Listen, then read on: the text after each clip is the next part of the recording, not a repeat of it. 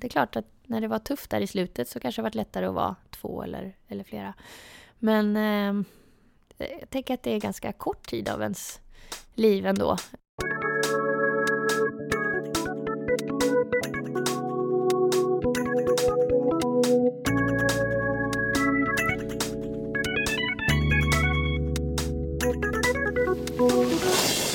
Hej allihopa och välkomna till Freeride-podden, podcastvärldens motsvarighet till Heliski. Hoppas allt är bra med er. Det här är Filip Claesson och just nu sitter jag här på Freeride-kontoret och väntar på att Johanna Davidsson ska komma. Ja, ingen i skidsvängen kan väl ha missat att Johanna just varit nere på Sydpolen eh, på vilken hon har åkt skidor från kusten in till Sydpolens mitt. Väl inne på Sydpolens mitt så vände hon på klacken, spände upp kiten och tog hjälp av eh, vindarna då hon skidade tillbaka. Och det här gick så snabbt att hon nu är den person i världen som gjort denna resa snabbast någonsin. Vi har förstås följt Johanna noga under denna resa och eh, vi är jätteglada att hon vill komma och berätta om den. Det ska bli riktigt kul att få träffa henne. Hoppas ni också tycker det. Här kommer det.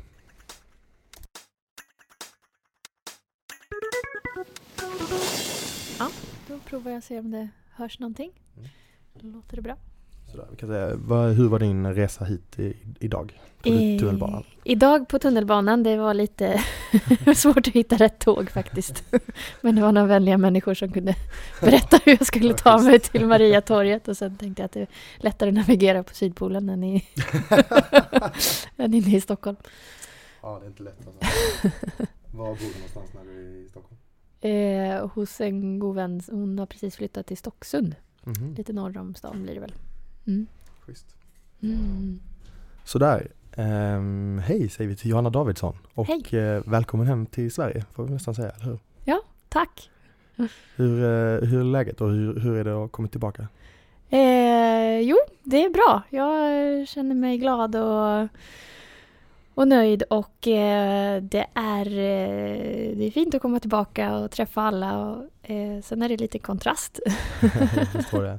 Vilken kontrast är, liksom mest påtaglig? Ehm, ja, men det går så fort här.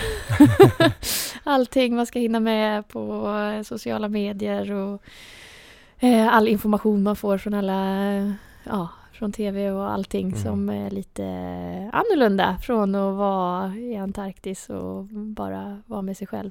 Jag förstår det. Ja. Är du hemma på en lite sådär, eller är du i Stockholm på en lite sån där media eh, runda eller hur är det? Ja, precis. Jag är ju eh, från utanför Linköping, där har mina föräldrar ute på landet där. Så, där. så om jag inte behöver vara här så, så smiter jag iväg till ute på landet igen. Och Har du, kommer du bli, eh, vet du det, Nyhetsmorgon, soffan eller hur blir det? Ja, jag kom ifrån eh, SVT Godmorgon soffan idag. Det var så till och med. Ja, Mm. så det var, ja, det var annorlunda att få sätta sig och, och få bli sminkad och fixad i håret. det var ett tag sedan jag hade, hade smink på mig. Är, sminket är inte prioriterat i den här släden som följer med kanske. Nej, det, det blev en liten parfym, eh, pytteliten parfymflaska. Det var väl det som Mm. fick vara med i skönhetsboxen. Hur gick det på, eh, på Nyhetsmorgon i morse? Eh, ja, jag har inte sett eh, det ännu, men eh, jag hoppas att jag inte gjorde bort mig. Nej då, jag tror, jag tror det gick bra. Eh, För du var med i i TV4 innan du åkte också eller hur var det? Ja, Ja. precis. Och de följde väl mig lite under turen också. Mm. Ringde ett par gånger under resans gång. Ja. Kul. Vad är den vanligaste frågan du har fått sedan du kom tillbaka då? Mm, varför är väl nästan alla som frågar. Eh, varför gör du detta? Vad är nästa projekt? Och eh, ja, det är väl ungefär det. Hur, lång, hur, hur mycket pulkan vägde och Ja. hur många minusgrader det var. det är väl det vanligaste. Okej, vad skönt. Jag har inte skrivit ner någon av de frågorna. Nej, okej, eh, det spännande. ehm, det känns som typiskt eh, morgonsoffa-fråga så här. Så fort det kommer en extrem eh, äventyrare eller skidåkare så ska man fråga varför och lite så här. Är du helt galen? Typ. Ja, Det ja. känns många som får det. Ja. Svårt att svara på det kanske. ja, man får väl förstå att det är inte alla som alls skulle kunna tänka sig att eh, skida så. Så att, ehm, ja, men det är inte alltid lätt att sätta fingret på varför. Nej. Men um, skulle du till att börja med vilja berätta lite om din expedition och hur det har gått och vad du har gjort för någonting? Mm. Jag eh, bestämde mig för ja, drygt ett och ett halvt år sedan att jag skulle skida till Sydpolen och eh, bestämde mig för att starta ute vid kusten och att jag skulle gå utan att ta hjälp av någonting och ha med mig allt i pulkan från starten ehm, och gå 1100 kilometer lite drygt in till själva den geografiska Sydpolen. Ehm, och sen att eh, ta mig tillbaka ut till kusten igen och då ska jag ta mig hjälp av vinden så ha med mig kite och skidsegel ehm, och tillbaka till den punkten jag startade. Så det eh, ja, det var planen och jag, eh, det här gick ju väldigt bra, över förväntan. jag eh, flög ner till Chile i eh, slutet av oktober. Och eh, det var en del väntan, försenade flyg, men det är inte så vanligt i början av den antarktiska säsongen att det är lite dåligt väder. Så jag kom ändå iväg i eh, ja, men, helt okej tid ehm, och startade ute vid kusten. Mm. Och hade inga planer på att eh, ta några rekord eller något sånt. Jag skulle bara vara ute så länge som möjligt och njuta av den här resan. Eh, sen så var det en brittisk eh, tjej som också gick solo. Eh, och vi träffade varandra nere i Punta Arenas och, och hon skulle eh, gå på rekordtid, slå det här kvinnliga rekordet på 39 dagar. Så jag antar att jag blev lite nyfiken på att undra om, undra om jag kan göra det, men, men jag fortfarande skulle göra min tur. Men när, det, när jag hade startat turen och allt gick väldigt bra och jag märkte att jag gjorde ganska långa distanser så började jag att bli lite sugen på att se hur, hur fort det kunde gå. Så från att jag skulle bara vara ute så länge som möjligt så började jag att eh, ja, men tycka det var kul att se om jag kunde komma till Sydpolen inom, innan 39 dagar. Eh, vilket jag också lyckades med. Plus att det var julafton eh, det dygnet som jag liksom hade sista dagen att komma in på. Och det tänkte jag att det hade också varit lite kul att komma in på julafton. Så då eh, satte jag lite fart i slutet och eh, körde på. Eh, och nådde Sydpolen på julafton. Så det var en väldigt ja, speciell jul. som jag inte tror jag kommer glömma eller blanda ihop med de andra julaftnarna. Um, ehm, ja, så var det, ja, det var helt fantastiskt att komma fram och få ja, men träffa folk och få mat. Och det är ju en, um, det är ju en stor forskningsstation på Sydpolen men sen är det eh, ett litet läger där logistikföretaget håller till. Så där kan man få, eh, få mat och man bor ju fortfarande i tält och så. Eh, men jag hade några dagar där för att vila upp mig. Det var planen att jag, jag hade god tid och jag ska kajta tillbaka. Det kommer gå mycket fortare så jag hade tid att, att vila ordentligt och sådär. Så att det var eh, jätteskönt att bara hänga där och äta och eh, träffa andra som också har skidat in till Sydpolen. Och sen ladda om för att sen kajta ut till kusten igen. Eh, vilket jag såg som kanske en, lite av den största utmaningen att vara ensam och kajta. Och det, det är större risk att kanske ramla mm. och skada sig och så. Så lite nervös också att eh, börja kajta där med de här sastrugisarna som är formationerna på, på snön som gör att det, det blir lite skumpigt och ja. Men när jag väl fick upp kiten och kom iväg så kändes det ju, eh, ja, fantastiskt att vara på Antarktis och kajta mm. och det gick fort istället för att gå 3-4 kilometer per timme så gick det kanske 30 kilometer i timmen. Mm. Um, ja, och så kom jag ut till kusten efter 12 dagar med kiten och nått, nått mitt mål. Det var en väldigt häftig känsla. Fantastiskt. Och dessutom snabbast någonsin, eller hur?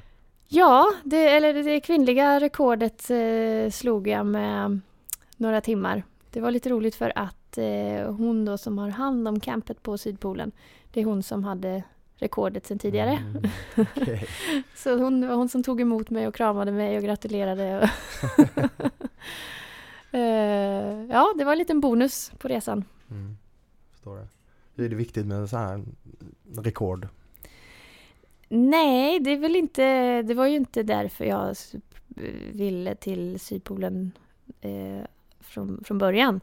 Eh, sen märkte jag när jag väl var där ute att jag, jag tyckte det var kul att se hur fort kan jag bli klar på morgonen? Hur fort, Mm. eller hur många kilometer kan jag... Det vore kul att se om jag kan gå fortare idag än vad jag gjorde igår. Ehm, så att jag, jag antar att jag är lite, lite tävlings eller ja, jag tyckte det var roligt att liksom pusha på lite, se Mm. vad, se vad som var möjligt. Mm, Mm. Coolt. För oss som bara kanske har möjligtvis har googlat Sydpolen, hur ser terrängen ut där? Och alltså, hur är det bara att spänna på sig hudar och skida eller hur funkar det? Ja, det, är, det varierar ju väldigt mycket. Det är ju en enorm kontinent. Jag tror den är fem gånger så stor som Australien, så det är liksom jättestort. Så det finns ju allt möjligt. Jag har ju bara sett en liten del. Eh, men det finns ju allt från eh, stora bergskedjor där, där bergen liksom sticker upp ur isen. Det är ju, det är ju en jätteenorm glaciär. Allt är ju... Eh, eller ja, det ut med kusten så kan man ju hitta barmark och sådär. Eh, och så finns det ju områden där det är väldigt mycket sprickor. Och sen är det ju områden där det är den här tjocka isen som liksom flyttar sig eh, men är ju en, ganska stabil utan att det är mycket sprickor. Så där jag, där jag har varit har det ju, jag har inte sett några stora sprickor förutom på håll. Eh, sen är det ju eh, det är ju mycket vind så att eh, snön på ytan blir ju väldigt eh, blåst och det blir de här sastrugi eh, som vinddriver på snön som kan bli eh, väldigt stora. De jag såg var kanske 2-3 meter eh, som störst.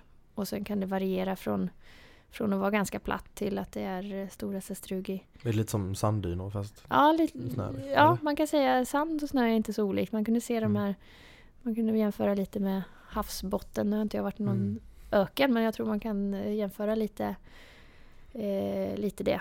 Så det, det var lite, lite Uppe på platån när jag närmade mig Sydpolen så var det, då var det ganska mycket snö och den snön är nästan som sandpapper. Det är inte alls samma glid om man skulle gå i, i fjällen här utan Mm. det är kallare och mer friktion. Ehm, då var det inte så mycket sastrugi ehm, men längre, längre ut så var det mycket, mycket sastrugi. Millions of people have lost weight with personalized plans from Noom, like Evan, who can't stand salads and still lost 50 pounds. Salads, generally, for most people, are the easy button, right? For me, that wasn't an option. I never really was a salad guy. That's just not who I am. But Noom worked for me. Get your personalized plan today at Noom.com. Real Noom user compensated to provide their story. In four weeks, the typical Noom user can expect to lose one to two pounds per week. Individual results may vary.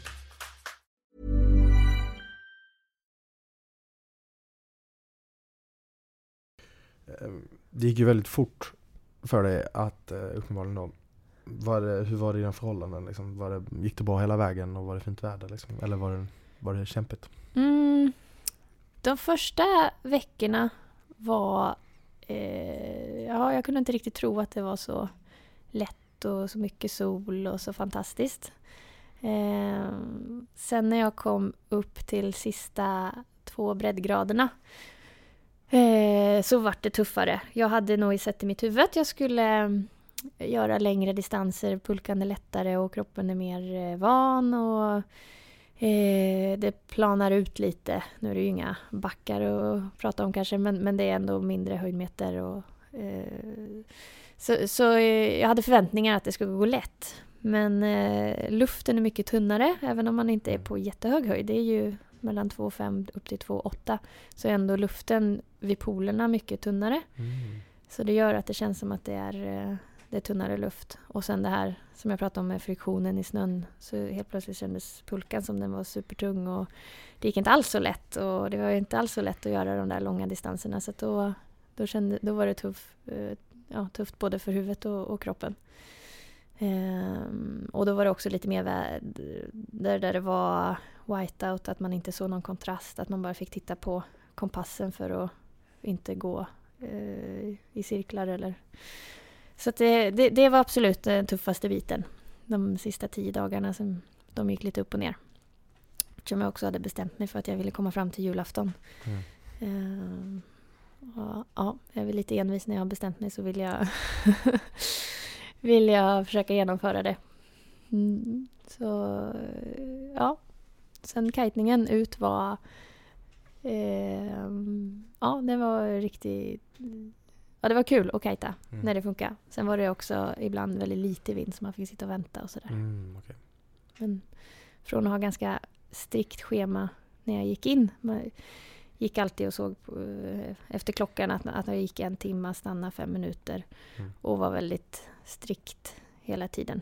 Så att eh, sen att kajta när man lite mer kan kajta när det är bra förhållanden och så kan man ta det lugnt när det är lite vind eller ehm, Ja, det gick ju så mycket fortare och jag hade ingen stress ut. Jag skulle inte slå några rekord eller något sånt. Så då eh, fick jag tid att bara njuta och vara i tältet och hänga och, och Mm. ja, ta det lite lugnt. Mm.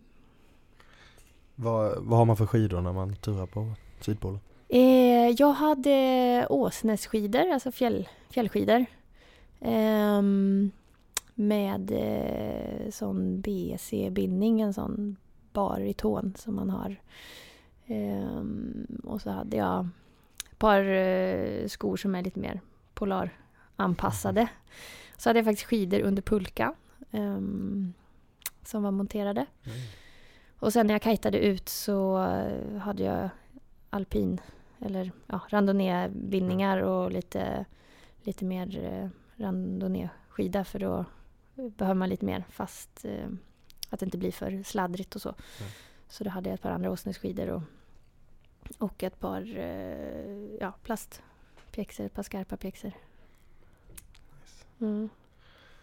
Ehm, jag tänker på det här, du var ju borta i, eller så här, resan dit tog ju 39 dagar. Mm. Ehm, och jag kan tänka mig att man inte stöter på så väldigt många på vägen dit. Ehm, eller? Nej. Nej. Nej, eller faktiskt så...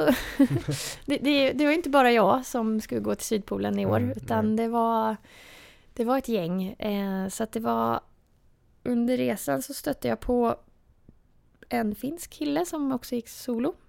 Eh, jag hade en vilodag efter kanske tio dagar. Och när jag satt i tältet så hörde jag att det var någon utanför tältet. Så då stod han där. Ehm, och så såg jag på håll ett par expeditioner också. Okej. Plus att det är... ehm, det var en, en expedition med bilar. Så de såg jag på håll. När jag eh, tänkte att det var helt fantastiskt att vara i den här naturen och helt ensam. Och mm, då såg man också lite berg i horisonten för att ungefär när halvvägs så är det någon liten bergskedja som sticker upp ur isen. Så då kunde man se dem och det var så jättefint och soligt och nästan ingen vind. Och så helt plötsligt kommer det fyra bilar. Eh, ja. Men eh, så här, hur trivs du med ensamheten i att här, vara ute själv i nästan 40 dagar? Mm, det var väl egentligen inte något problem. Det är klart att när det var tufft där i slutet så kanske det varit lättare att vara två eller, eller flera.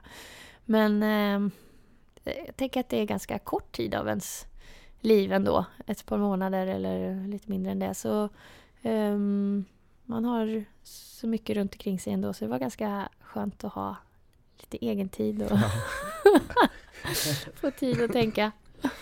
Tips till alla stressade stockholmare som vill ha egen tid, Ja. Sydpolen. Ja men eh, coolt. Så det, var- det, var, det var aldrig något problem. Men vad, vad saknade du mest när du var borta? Mm. Alltså jag gjorde ju min dröm, så jag var ju så himla glad för att vara där. Så egentligen så var det inte jättemycket jag saknade. Det är klart jag saknar saker som till exempel dusch och kanske lite mm, speciell mat och så kunde jag ju tänka på personer jag tycker om och sakna dem. Ehm, men det kan vara lite härligt att sakna saker och ting och uppskatta dem sen ehm, när man kommer tillbaka. Mm. Så det var liksom aldrig något så här jobbigt saknande. Och vad saknar du minst? Eh, datorn och mail och allt det här, listorna och ja, det, det var stressigt innan jag åkte. Eh, så det var väldigt skönt att bara vara helt avkopplad från eh, inte behöva tänka på telefon och, och mejla och allt eh, det här som man ska vara Mm. Snabb att svara och lägga ut på, på Just det. medier och det, det var jätteskönt att vara Ja, borta. men, eh, jo, alltså, men eh, stämningen ute i den här Säg, finns det något namn på den byn eller är det bara en forskningsstation på Sydpolen? Ja, på Sydpolen. Ja. Eh, det heter väl Scott och Admundsens eh, South Pole Station, tror jag. Mm. Hur är stämningen där? Ehm, det, det, är lite, det är lite speciellt för att det är den här amerikanska stationen eh, som är väldigt stor. Massa byggnader, massa forskning, stora paraboler. Och de är 150 som jobbar där på sommarsäsongen. Och den är också bemannad på vintern så där kommer jag inte ihåg hur många det var men det kanske är 30 eller ja. Eh, så där lever de efter den nyzeeländska tiden och sen så är det den här lilla basstationen som är då logistikföretaget ALE som har eh, ja, men ett litet enkelt eh, camp med några tält och eh, någon som har hand om, om campet och när jag kom dit så var det en kock också. Ehm, och de lever på chilensk tid så det är liksom två olika tidszoner. och sen, eh, sen kan man få komma och besöka den amerikanska stationen. Så jag var där på en rundvisning och fick se liksom hur de bor och lite vad de har för eh, forskningsprojekt och sådär. Så det var väldigt speciellt att, att få besöka, besöka där. Och, ja, det- är en häftig plats. Det sen är det ju Ja, det är platt och vitt och solen snurrar bara runt. Det Mm. spelar ingen roll om det är natt eller dag. Eh, Det är lika ljust hela tiden. Mm. Det är bara en soluppgång och en solnedgång. Så det, det är en väldigt häftig plats. Det kan jag tänka mig, verkligen. Och de som kommer dit har kanske skidat dit så det är... eh, Ja, träffar man... eh, Ja, det var häftigt att träffa de personerna som var där också. Jag förstår det. Hur många resenärer träffade du där? Liksom? Ehm, det var några... En del går ju sista graden in till Sydpolen. Mm. Många med en, en guide då. Så några sådana grupper och sen så var det en eh, grupp med eh, sex stycken brittiska militärer som började samma dag som mig.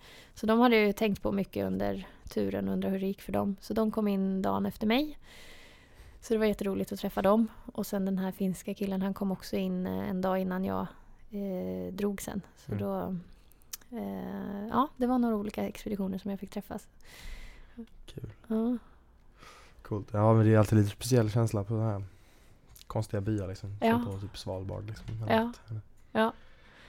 Ehm, hur tränade du för att inför den här resan? Ehm, jag gjorde liksom inga dramatiska förändringar. Jag, jag gillar ju att vara ute och liksom aktiv och ehm, om det är springa på fjället eller eh, ja, sommaren är ju klätt, mycket klättring och, eller eh, paddlat och, och så. Men sen när det börjar närma sig så, så börjar jag dra däck för att liksom ja, dels träna kroppen att det blir lite lika som att dra pulka. Men också tror jag är bra för huvudet också. Och, ja, det är Mm. faktiskt det jag ska göra varenda dag i jättemånga timmar. Eh, gå och känna på det. Och, så det, ja, det är nog både träning för, för huvudet och för kroppen. Och sen är det, var det lättare att, att motivera sig för att komma ut och, och träna när man vet att jag ska anstränga mig fysiskt och det är bra om jag har, är i bra form. Så det var inte så svårt att faktiskt ta sig ut även om man var lite seg eller Jag förstår Mm. det. Men, eh, för du är uppväxt i Linköping, som sa, eller Ja, utanför Linköping. utanför Linköping. Mm. Och ehm, det är inte um, ett jättebergigt område, eller så här, det är inte Nej. fjällsmark. Eh, hur föddes intresset för, för här- den typen av äventyr? Ehm, ja, mina föräldrar tog ju med oss till fjällen och åkte skidor. Eh, och jag tyckte det var jättekul att åka skidor. Så efter jag hade slutat skolan så bestämde jag att jag ville göra en skidsäsong i Alperna. Eh, och sen skulle jag veta vad jag ville bli och börja läsa och så. Men eh, en säsong blev väl fyra eller fem, något sånt. Och eh, insåg att jag ville ju inte alls lämna bergen. så då istället för att börja på universitetet så började jag på en folkhögskola med friluftsinriktning och fick liksom lite bredare, eh, inte bara skidåkning utan mycket annat också eh, i, i fjällen i norra Skandinavien. Så efter det så tror jag liksom har fortsatt hela tiden att eh, välja platser att bo på där jag kan liksom vara ute och, och göra det jag vill i naturen.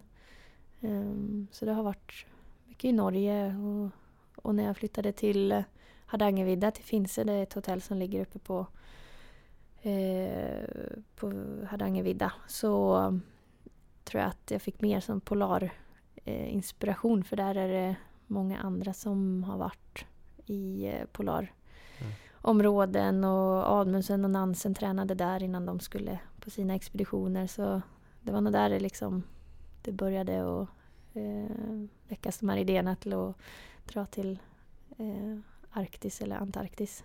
Mm. mm. Coolt.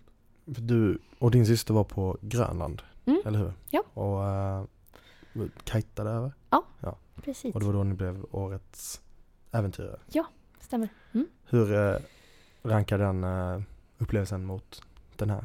Hur jämför du dem mot varandra? Uh, ja, det, det blev väl liksom ett större projekt, Sydpolen. Um, dels för att det är ju... Uh, jag tror Grönland kan liksom vara minst lika mycket en utmaning som Antarktis men uh, det är mycket, mycket dyrare att åka till Antarktis. Eh, så det blev ett större projekt med att söka sponsorer och hela den biten. Plus att det är ju inte lika många som tar sig till Sydpolen som tar sig till Grönland så självklart är det mer speciellt. Eh, Sen var det jättekul att göra en, en lång resa med min syster och ha det och dela med henne. Nu är det ju ingen riktigt jag kan dela den här med eftersom jag har gjort det solo. Eh, så det är lite, lite ja, men speciella på, på sina olika sätt. Um, så jag kan väl inte säga att den ena är bättre än den andra. Det här ja, det är ett större, större projekt absolut, Sydpolen. Mm. Uh, men uh, ja, jag kan ju... Grönland är bra och för förberedelse. Att eh, det kändes väldigt skönt att ha varit där och veta att jag har ju faktiskt varit uppe på ja, men liknande miljö mm. innan i Antarktis. Så det var väldigt bra träningstur.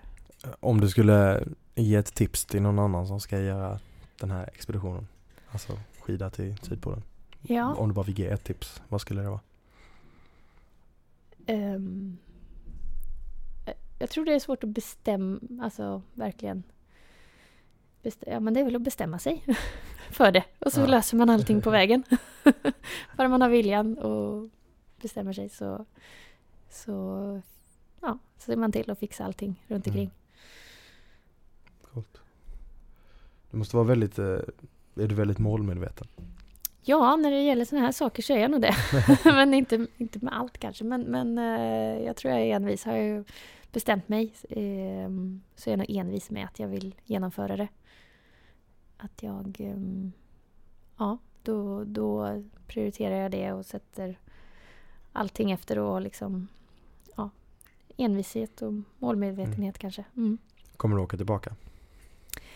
Jag tyckte det var jättehäftigt att vara i Antarktis så att jag vill ju väldigt gärna åka tillbaka men uh, jag blir ruinerad om jag ska göra en expedition varje år. Uh, ja.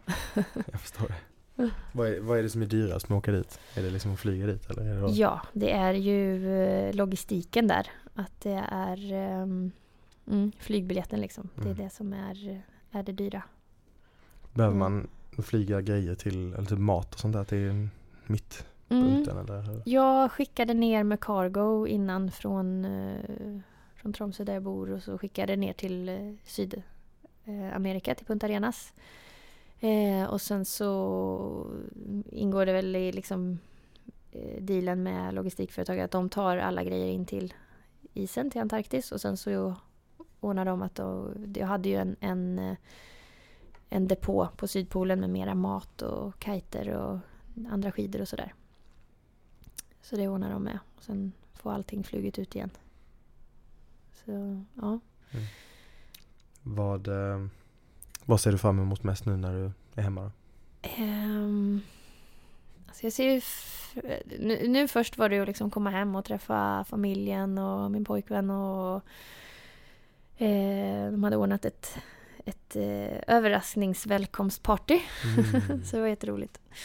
Eh, och sen eh, ser jag väldigt mycket fram emot att eh, komma upp till Tromsö ehm, och göra liksom de här vardagsäventyren och ja, men sticka ut och gå på en topptur eller eh, paddla i fjordarna eller eh, klättra och ja, den biten. För det är så många som bor där som gillar samma saker så att ja, om man hänger med vännerna så är det att vara ute i, på fjället.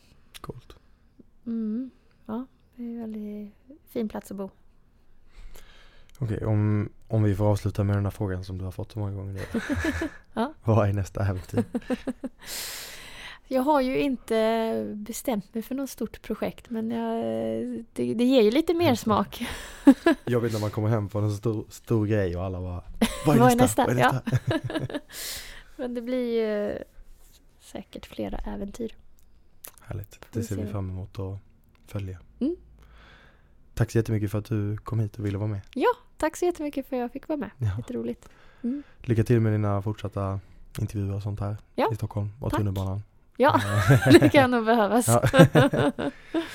ha det jättebra. ja, tack.